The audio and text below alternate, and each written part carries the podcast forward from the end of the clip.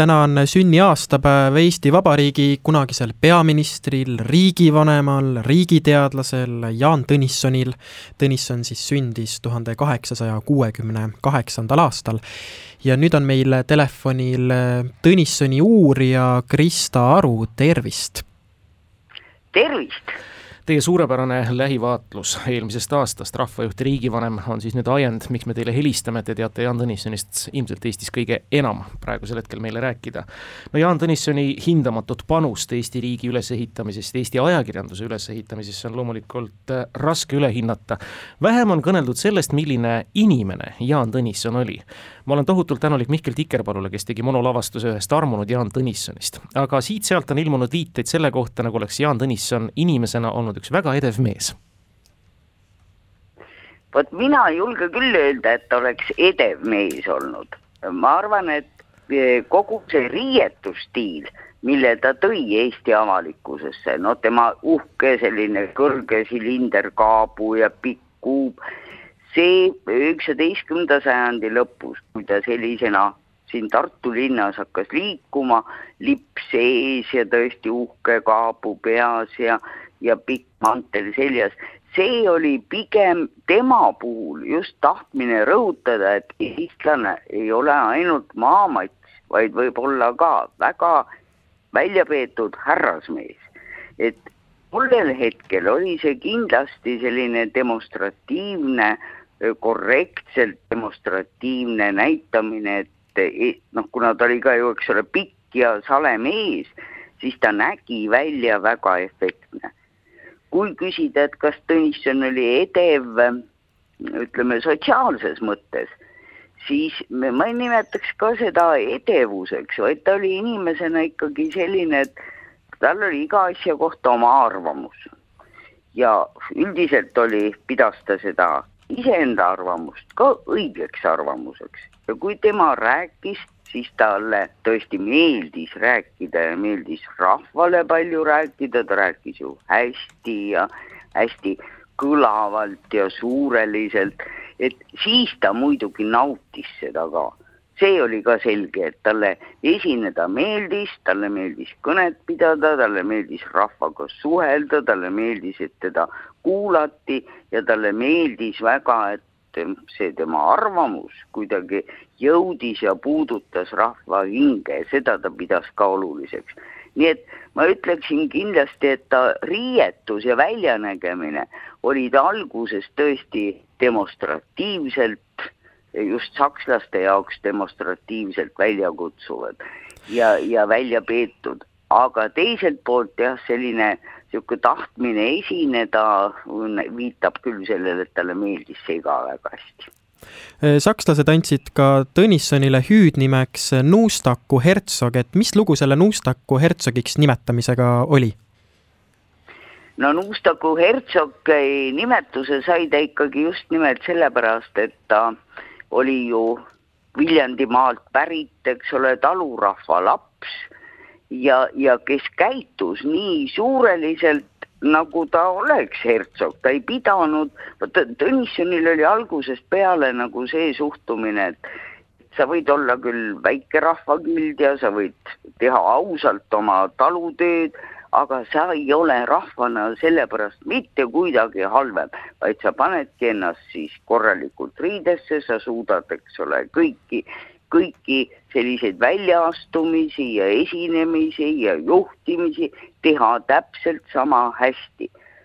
Noh, teatavasti Eestil ei olnud tookord ju midagi, Eesti oli tsaaririigi, Vene tsaaririigi osa, majandust, raha, midagi eestlaste käes ju eriti ei olnud, aga käituda sellel hetkel nii suureliselt, et öelda, et noh, meil on oma õigus, meil on oma keel, meil on oma kultuur ja seda me peame hoidma, see, selline suhtumine tõi talle ikkagi selle hüüdnime tal oli veel üks hüüdnimi, millega ta oli rahva seas äärmiselt populaarne ja kuidas ta nüüd selle sai, kui ma vaatan, et Koodi Jaan tegelikult oli esimese Eesti aegu ilmunud selline huumoriajakiri ja kuidas ta siis nüüd Tõnissonile külge hakkas? no Koodi Jaan tuli, oli otse seotud sellega, et ta võitles ju kogu aeg millegi poolt, ma just nime, nimelt rõhutan seda, et ta ei võidelnud millegi vastu, aga ta võitles millegi poolt. Võitles selle poolt, et eestlased vähem jooksid viina.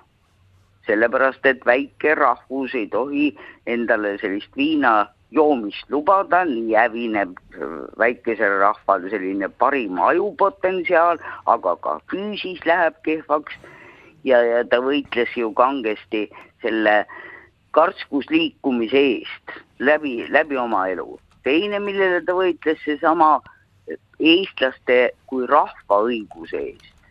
ja, ja kuna ta oli oma, oma võitlustes ja ütlemistes ju väga äge ja noh, kuna talle meeldis ka kõnet pidada, siis need kõned läksid selliseks, et ta lubas koodiga lüüa ja, ja lubas vett peale visata ja, ja sealt tuli see koodijaan, sest ta oli kogu aeg nagu millegi eest väljas, võitluses millegi eest väljas, aga samas, kui me vaatame näiteks siis see tuhande üheksasaja viiendal, kuuendal aastal, kui see karistussalgad, eks ole, tulid, tulid Eestimaale möllama, siis ta oli noh, see, kes ütles, et, et eestlane peab suutma oma äh, õiguste eest ikkagi sõnaga seista, mitte ise minema mässuliste ridadesse. nii et see koodiga võitlemine oli pigem just selliste noh, nähtuste vastu ja, ja, ja õiguse eest. ja see saatis teda läbi elu, aga teda nimetati ka vanaks Jaaniks juba siis, kui ta oli veel päris noor. kui veel palju hüüdnimesid. kui kui veel Tõnissoni iseloomustada, siis näiteks luuletaja ja kirjandusteadlane Gustav Suits on öelnud nii, tsitaadi algus.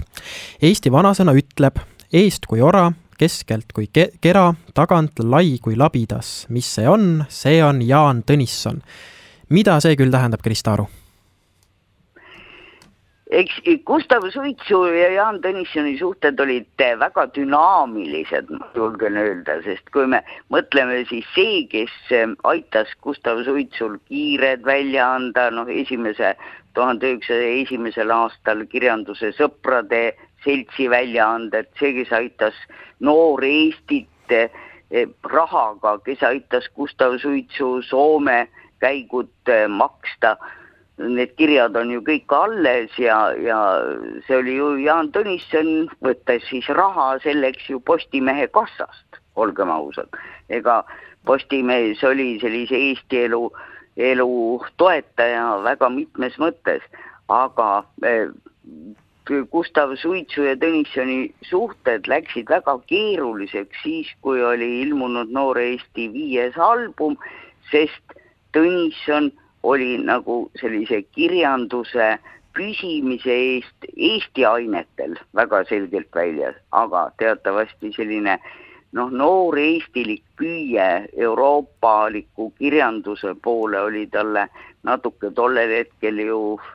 suhtus ta väga, väga kriitiliselt ja, ja kuna Tõnissonis oligi koos nagu väga mitu niisugust palet, siis minu meelest näitab see eelkõige just nimelt seda, et Tõnisson oli, oli,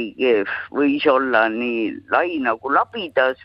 ja virutada selle labidaga, aga vahepeal olla nagu kera, nii et temas oligi kõike seda ja, ja ka Tõnissoni ja Suitsu suhetes läbi elu oli väga palju ühelt poolt sellist erinevat kokkupuutumist, leppimist, ägedat võitlust, Gustav Suits oli ka see, kes ju pidas siin Vanemuises tuhande üheksasaja kolmeteistkümnendal aastal kahel õhtul kõne Jaan Tõnissoni noh, kui sellise ühiskonna tegelase vastu, ma julgen isegi öelda, pidi olema analüüs, aga ta ütles, et Tõnisson on, on pigem niisugune konservatiiv, kes ei lase sellisel Eesti elul edasi minna, see oli seotud just sellise kirjanduse ja kultuuri suhtumisega. Nii et äh, suitsu selline äh, ütlus on äh, nagu iseloomustus või kokkuvõte Tõnissoni mitmest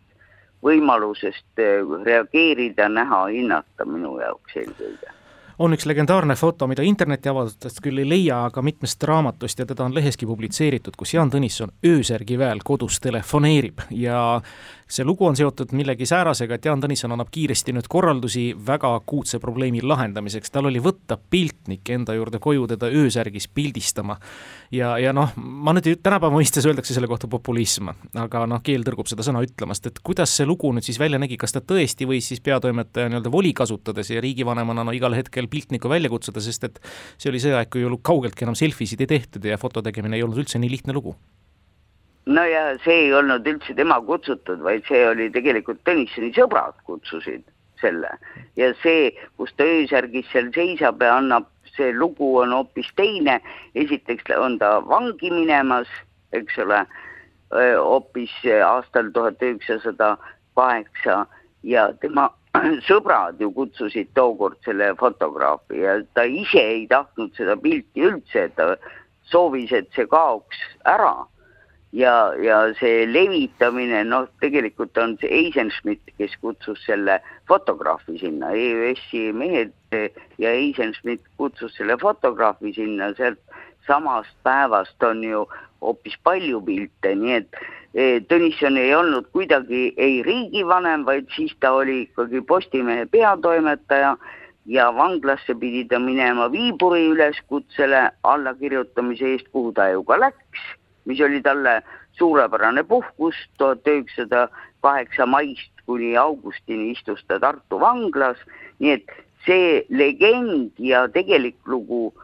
on natuke erinevad. Millal seda fotograafi kasutati ja kui te vaatate ka neid alles olevaid fotosid, siis see, need on ikkagi need ajad, kui on juba Eesti Vabariik ja, ja ta on olnud, eks ole, riigivanem ja välisminister ja peaminister ja, ja neid riigivanema aegseid fotosid on ikkagi kõige rohkem ja, ja siis see kuulus nagu selle tava juurde. aga see, kõik need varasemad fotod, eh, ta ise on käinud ainult mõned eh, stuudiofotod teinud, aga need on ikkagi ka veel hoopis varasemad kui see tuhat üheksasada kaheksa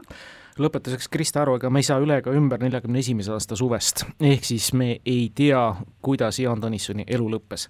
paljud ütlevad, et ilmselt teisel juulil nelikümmend üks ta paraku siis lasti maha, samal ajal oleks muidugi ajaloolased andma nõus kolm tilka verd ja ilmselt ka teie, kui teaks, mis siis täpselt sündis. mis on teie veendumus Jaan Tõnissoni parima tundjana, mis võis juhtuda ja kas ta võis pääseda neljakümne esimesel aastal selleks, et noh, aasta hiljem või kusagil mujal nii-öelda siit ilmast vägivaldsel teel lahkuda? Mina ikka kaldun uskuma seda, et tuhat üheksasada nelikümmend üks, see öö vastu kolmandat juulit, sellel öösel lasti ta patareis lihtsalt maha. ja, ja kuhu ta visati, on see meri, on see kusagil ühishaud, seda me kahjuks ei tea, sest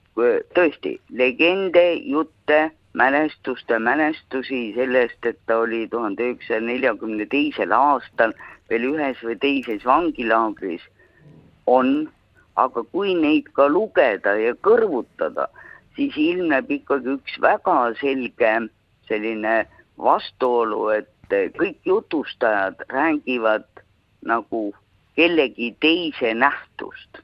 et keegi pole kunagi ise rääkinud, keegi pole nendest kirjutajatest,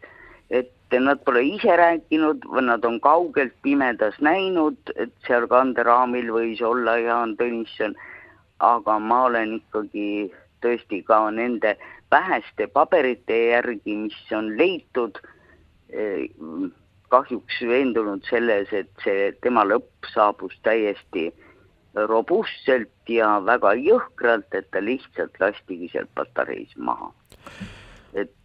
kaugemale siit Eestist ta ikkagi ei jõudnud. aga suur aitäh teile, Krista Aru, meenutamast Jaan Tõnissoni, kellel siis täna on sünniaastapäev. aitäh teile ja kõigile ilusat jõuluaega!